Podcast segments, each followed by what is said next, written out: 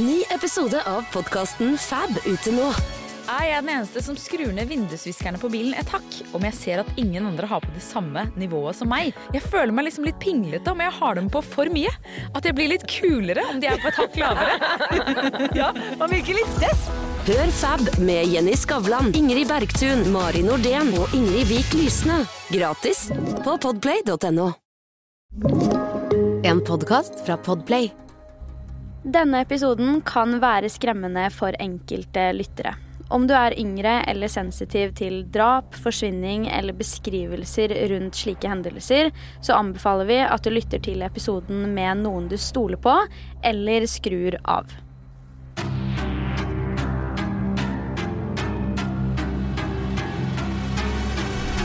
Hei og velkommen til en helt ny episode av Forsvinningsfredag podkast. I denne ukens episode skal jeg ta for meg en av de aller mest kjente sakene her til lands. Og jeg vil si at dette er en av de mest omtalte og også omfattende forsyningssakene på kanskje til og med nordisk jord. Saken fikk i sin tid over 700 tips og har også et skyhøyt antall avhør. Marianne-saken er den vi skal snakke om i dag, og faktisk var dette en sak som egentlig ble skrevet ganske lite om i store aviser tidligere, men som vi har sett litt mer av i nyere tid. Jeg har lenge ønska å snakke med dere om den saken her i podden, så jeg tenker at vi rett og slett bare hopper rett inn i det. Denne saken begynner fredag 28. august 1981, da seks år gamle Marianne Rugås Knutsen forsvant sporløst fra Risør. Det er ikke sjokkerende at denne saken da ble gjenstand for massiv medieoppmerksomhet og omfattende politietterforskning, og selv om Marianne aldri har blitt funnet, så anser politiet dette som en kriminalsak likevel. Det er verdt å nevne at denne saken ble strafferettslig foreldet i 2006 som følge av den daværende 25-årsfristen for alvorlige straffesaker, ofte da drap og forsyningssaker. I 2014 ble foreldelsesloven opphørt i Norge, så etter det er det faktisk ingen straffesaker som har blitt forelda. Dette med foreldelse vil i praksis si at dersom man skulle funnet ut av hvem som sto bak en eventuell ugjerning og straffbar handling, så vil ikke vedkommende få straff for det kriminelle forholdet. Så hva var det egentlig som skjedde denne fredagen i august 1981? La meg forklare. Marianne Rugås Knutsen hadde nettopp begynt i første klasse på barneskolen, og var endelig ferdig på skolen denne fredagen. Etter skolen gikk hun og plukka tomflasker ved den lokale videregående skolen, eller yrkesskolen som det het den gangen. Disse skulle hun pante på Frydendal varehandel, som lå bare noen hundre meter fra hjemmet hennes. Etter å ha panta flaskene så gikk Marianne hjem igjen, men kom tilbake til butikken rundt en halvtimes tid senere. Denne gangen kjøpte hun to godteposer og to kronis, før hun igjen forlot butikken. Den siste sikre observasjonen vi har av Marianne, er ca. klokka 14.45, rett ved butikken. Da Marianne sist ble sett, var hun barbeint og hadde på seg en nydelig sommerkjole. Siden Mariannes siste gang i butikken har ingen sett henne. Det tar tre timer før Mariannes mor melder at datteren hennes er savna. En seksåring forsvinner jo ikke bare helt uten videre, og hun burde jo ha kommet hjem fra den raske butikkturen for lenge siden. Allerede samme kveld blir det satt i gang en leteaksjon for å finne Marianne. Seksåringen er ingen steder å finne. I løpet av de neste dagene samarbeida politiet med både Røde Kors og en hel haug av frivillige, både på sjø og land, og de benytta seg også av varmekamera fra da helikopter for å finne henne. Politiet la inn det de kunne av ressurser, men Marianne var fremdeles ingen steder å finne. Som jeg nevnte, fikk denne saken over 700 tips, og flere av dem valgte politiet å undersøke nærmere. Blant annet fikk de inn et tips om at en jente hadde blitt sett gående alene i Tordenskiolds gate i Kristiansand, men dette sporet ga ingen resultater for etterforskningen, og heller ingen nye ledetråder som de kunne gå videre på. Det er nettopp dette som er så spesielt med Marianne-saken. Denne seks år gamle jenta har bare forsvunnet sporløst fra sitt nærområde, og ingen har verken sett eller hørt noen ting som kunne være til hjelp for politiet.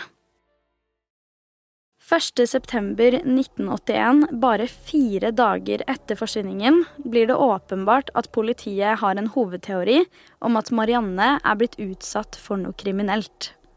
Dagen etter, altså 2.9, går den daværende politimesteren Gullbrand Nyhus ut og sier at politiet anså dette som en kriminell handling. Hypotesen var da at Marianne hadde blitt kidnappa og ført inn i en bil, deretter kjørt av sted og etter hvert blitt drept. Det er etter dette at etterforskningen virkelig ble trappet opp for å kunne lete i et større område, og politiet fikk inn totalt 15 etterforskere på saken bare i Risør. I tillegg til det ble det koblet inn åtte sporhunder på saken. Igjen, heller ikke dette skulle føre til funnet av seksåringen. 7.9., i overkant av en uke etter forsvinningen, avsluttes den offisielle leteaksjonen etter Marianne. På dette tidspunktet mente politiet at de hadde gjort det de kunne, og lett der det var mulig, bl.a. i alle byens brønner og kummer, for ikke å glemme at de selvfølgelig hadde kobla på alt de kunne av letemannskap og ressurser. 9.9 tikket det imidlertid inn et tips hos politiet som resulterte i et avhør med en mann i 50-årene fra Vegårshei utenfor Risør og Tvedestrand. Hovedårsaken til at denne mannen ble tatt inn til avhør, var pga. vitneobservasjoner av en mistenkelig bil som visstnok tilhørte denne mannen i 50-årene. Fredag 16. oktober samme året ble denne Vegårshei-mannen fremstilt for varetektsfengsling, og her ønska politiet egentlig mer enn noe annet å holde han i varetekt, slik at de virkelig kunne spørre han ut om det de kunne, uten at han hadde tilgang på medier eller ytterligere påvirkning. Denne mannen satt faktisk varetektsfengsla frem til 22.6.1982, så da i litt over åtte åtte måneder. 22.6 ble han da løslatt på grunnlag av mangel på tekniske bevis eller spor som kunne knytte han til saken. Som jeg nevnte tidligere i episoden, så ble jo denne saken strafferettslig foreldet i 2006, men det betyr jo ikke at det ikke er noen som har blitt mistenkt i saken. Vi har jo selvfølgelig denne Vegårshei-mannen, men utover det har det vært andre tilfeller også. Blant annet et navn som jeg regner med at noen av dere kjenner igjen, nemlig Thomas Quick. Denne mannen heter i dag Sture Bergvall, og han er en svensk mann som har tilstått i flere lignende saker tidligere, bl.a. i Therese-saken fra Drammen. Dersom du forresten ønsker at jeg skal lage en episode om Therese-saken, så send meg veldig gjerne en melding på Instagram. Der heter jeg Forsvinningsfredag. I likhet med Therese-saken så tilsto faktisk Thomas Quick også i Marianne-saken i 1998, som han også hadde gjort i da enda flere saker. Forklaringen hans den lyder som følger. Thomas mener at han lånte en bil for å være i Norge noen dager. Etter at han angivelig tok livet av 17 år gamle Trine Jensen den 21.8.1981, så bestemte han seg for å dra til et annet sted i Norge. På spørsmål fra politiet om hvilket sted han dro til, klarte han ikke å si Risør spesifikt. Han forklarte bare at det var et sted som lå langt unna Oslo. Han mener da at det er der han tok livet av Marianne. Det kom også til et tidspunkt der politiet nærmest bare antok at det var Marianne han snakka om, for selv så nevnte Thomas sjeldent navn. Den eneste forklaringen man fikk, var at det var et sted langt unna Oslo, og at det var en veldig ung jente. Da han ble bedt om å gi fullt navn på personen han tok livet av, forteller han at han ikke orker å gå inn på det, og refererer til et avhør der han visstnok hadde fortalt det til politiet tidligere.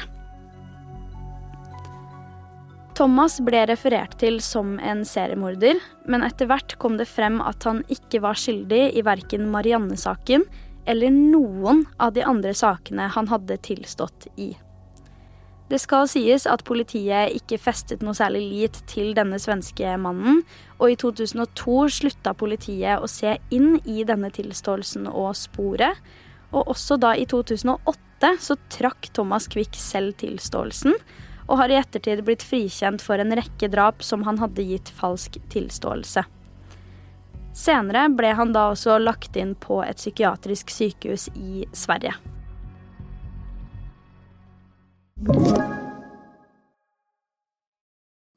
En ting man så veldig mye av i draps- og forsvinningssaker på denne tiden, var at det ofte ble kobla inn såkalte klarsynte.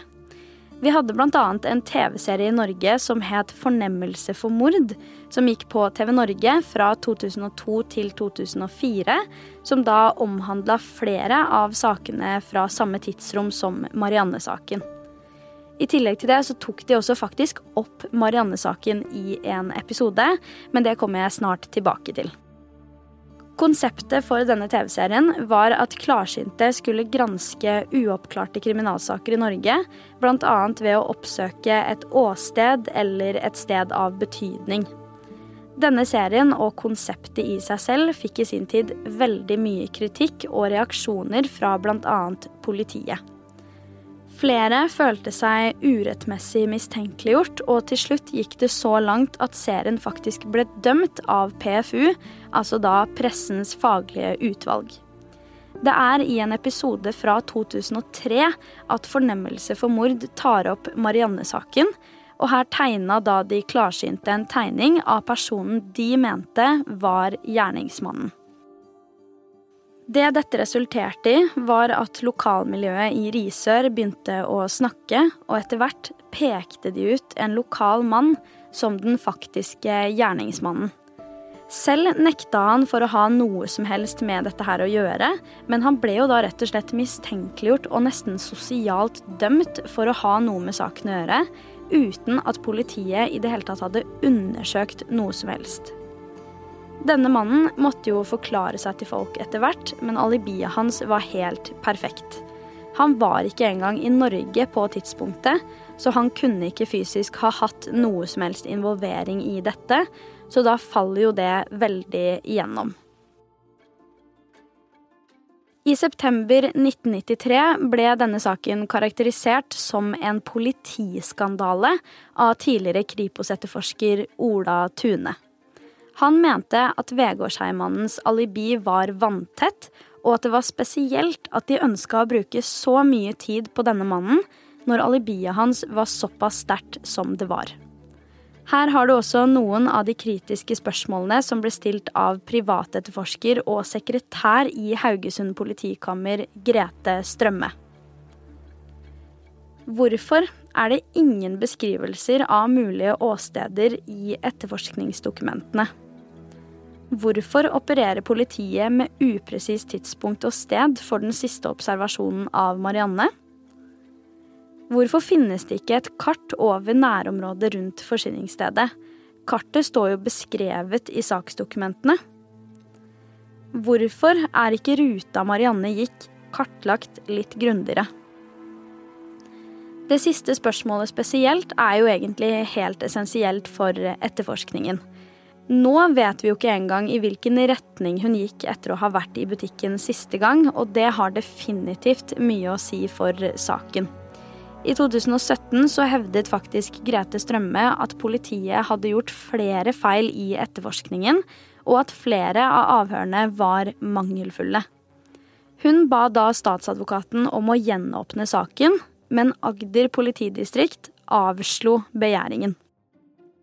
Politiet har opp gjennom årene fått en del kritikk for at saken ikke har gått fremover, til tross for at saken har blitt gjenåpnet flere ganger. Dette er det kriminalsjef i Risør Arne Pedersen har å si om saken. Vi har flere ganger gjenåpnet saken på bakgrunn av nye opplysninger, men det er aldri kommet frem noe som har gitt oss gjennombrudd i saken.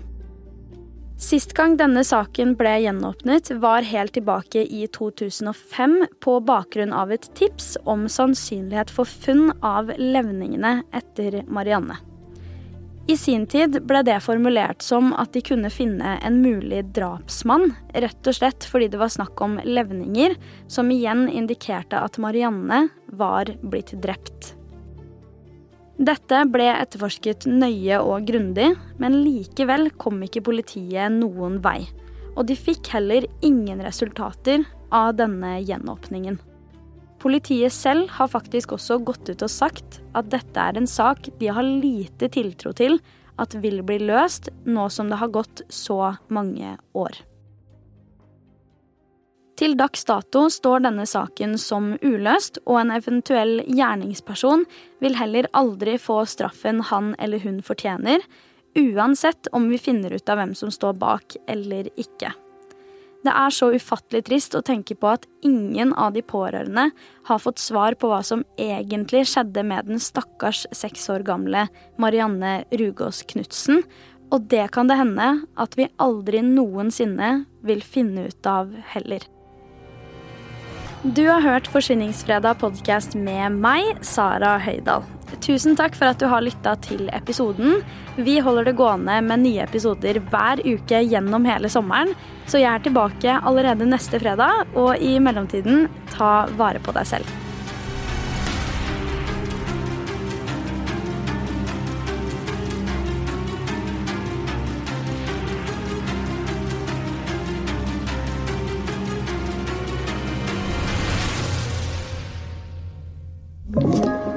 Du har hørt en podkast fra Podplay. En enklere måte å høre podkast på. Last ned appen Podplay eller se podplay.no.